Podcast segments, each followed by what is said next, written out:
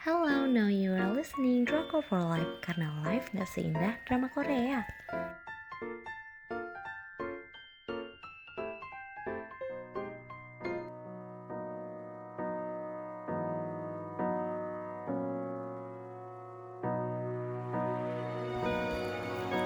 Aku bakal bacain review drama Korea Melting Me Softly. Ji Chang Wook dimasukin ke dalam freezer.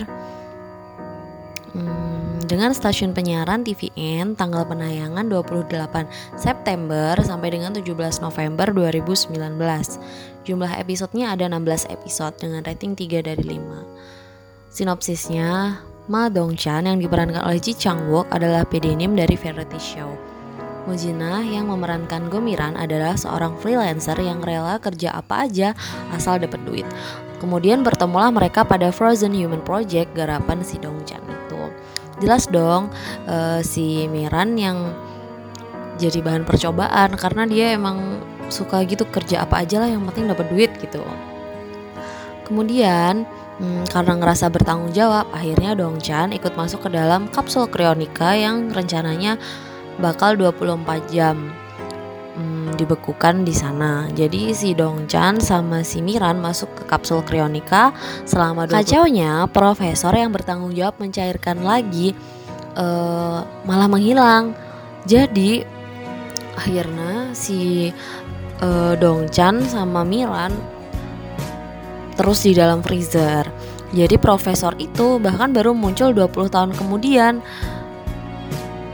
jadi ya uh, mereka tetap awet muda dan kacaunya lagi orang-orang di sekitar mereka tambah tua. Teman-temannya orang tuanya semuanya udah jadi tua sedangkan mereka tetap di usia mereka yang sebelumnya. Tema drama ini romantik komedi dan fantasi. Meskipun krionika itu nyata di dunia ini tapi di drama ini dibubuhin lagi biar sedep makanya drama ini termasuk fantasi. Karena ada beberapa part yang konflik yang ada seputar mengatasi adaptasi tubuh mereka setelah 20 tahun dibekukan. Terus mereka harus balik ke keluarga mereka yang tiba-tiba udah pada tua. Balik lagi ke lingkungan mereka kerja dan menyelesaikan unfinished love mereka. Kemudian aku mau bahas tentang cryonics. Uh, buat yang belum tahu ya, cryonics di dalam di dalam drama ini tuh beneran ada. Uh, ada beneran orang-orang yang dibekukan di dunia ini. Cuma nggak orang hidup gitu loh. Hmm, kalau Donchan sama Miran kan hidup. Nah sebenarnya yang di dunia ini yang dibekukan itu bukan orang-orang hidup. Nah Cryonics ini pakai proses vitrifikasi uh, yaitu 60% air di dalam tubuh digantikan oleh bahan kimia pelindung yang mencegah pembekuan dan pembentukan kristal es. Bahkan pada suhu cryonics yaitu minus 124 derajat Terus juga menggunakan alat pendukung hidup medis untuk menjaga sirkulasi darah dan oksigen mengalir ke paru-paru untuk menjaga kelangsungan hidup jaringan dan organ selama masa pembekuan.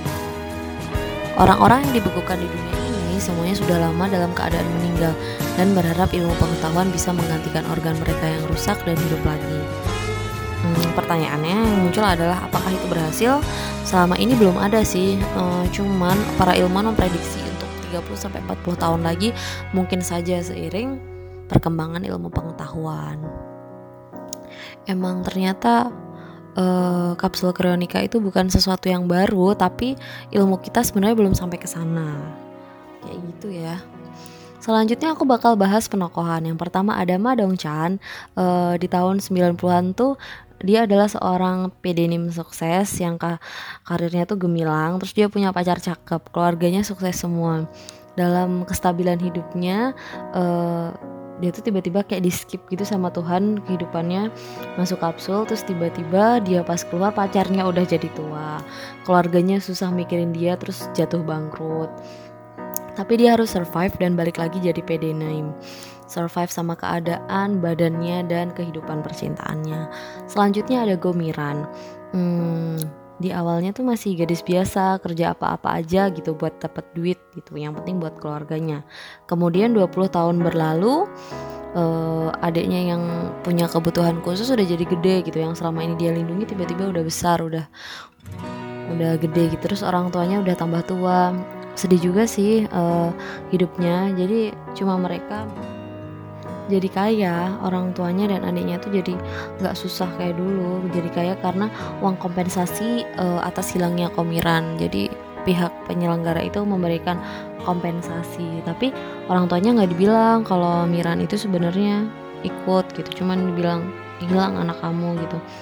Terus yang bikin lebih haru lagi meskipun pindah rumah uh, orang tuanya tetap ngejaga kamar Miran persis kayak masih 20 tahun lalu. Jadi setelah mendapatkan uang kompensasi, mereka hidup dengan lebih layak, beli rumah baru, tapi mereka tetap nyediain kamar buat Miran. Kali-kali aja Miran pulang kayak gitu. Selanjutnya ada Huang Jihun. Ini tuh teman kuliah Miran di masa sekarang yang suka sama Miran. Tercomplicated lagi, ternyata si Jihun ini anaknya Byung Sim alias mantannya Miran. Kasihan mamanya emang karena pusing gitu kenapa laki-laki kenapa lakinya sama anaknya harus naksir orang yang sama. Kemudian ada Huang Byung Sim dia adalah mantannya Miran yang ketahuan selingkuh ngejar-ngejar Miran dan dia ngejar-ngejar Miran lagi. Uh, waktu itu padahal dia udah nikah sama temen Miran. Jadi si Byung Sin emang nggak tahu diri ngerasa cintanya belum kelar jadi ngubar-ngubar lagi. Jelas sekali ditolak mentah-mentah sama Miran. Jadi waktu itu Byung Sim itu ketahuan selingkuh akhirnya diputusin sama Miran endingnya setelah Miran menghilang ternyata si Byung Sim itu nikah sama sahabatnya Miran makanya si sahabatnya si ibunya Jihun itu tertekan kenapa anaknya dan suaminya harus ngejar-ngejar wanita yang sama. Selanjutnya ada Nah Hayong yaitu pacarnya Dongchan yang ditinggal masuk kapsul selama 20 tahun. Tahunnya dia tetap nunggu sama nungguin Dongchan mereka pun mencoba lagi tapi rasanya beda. Dong Chan memutuskan buat move on tapi Hayong marah.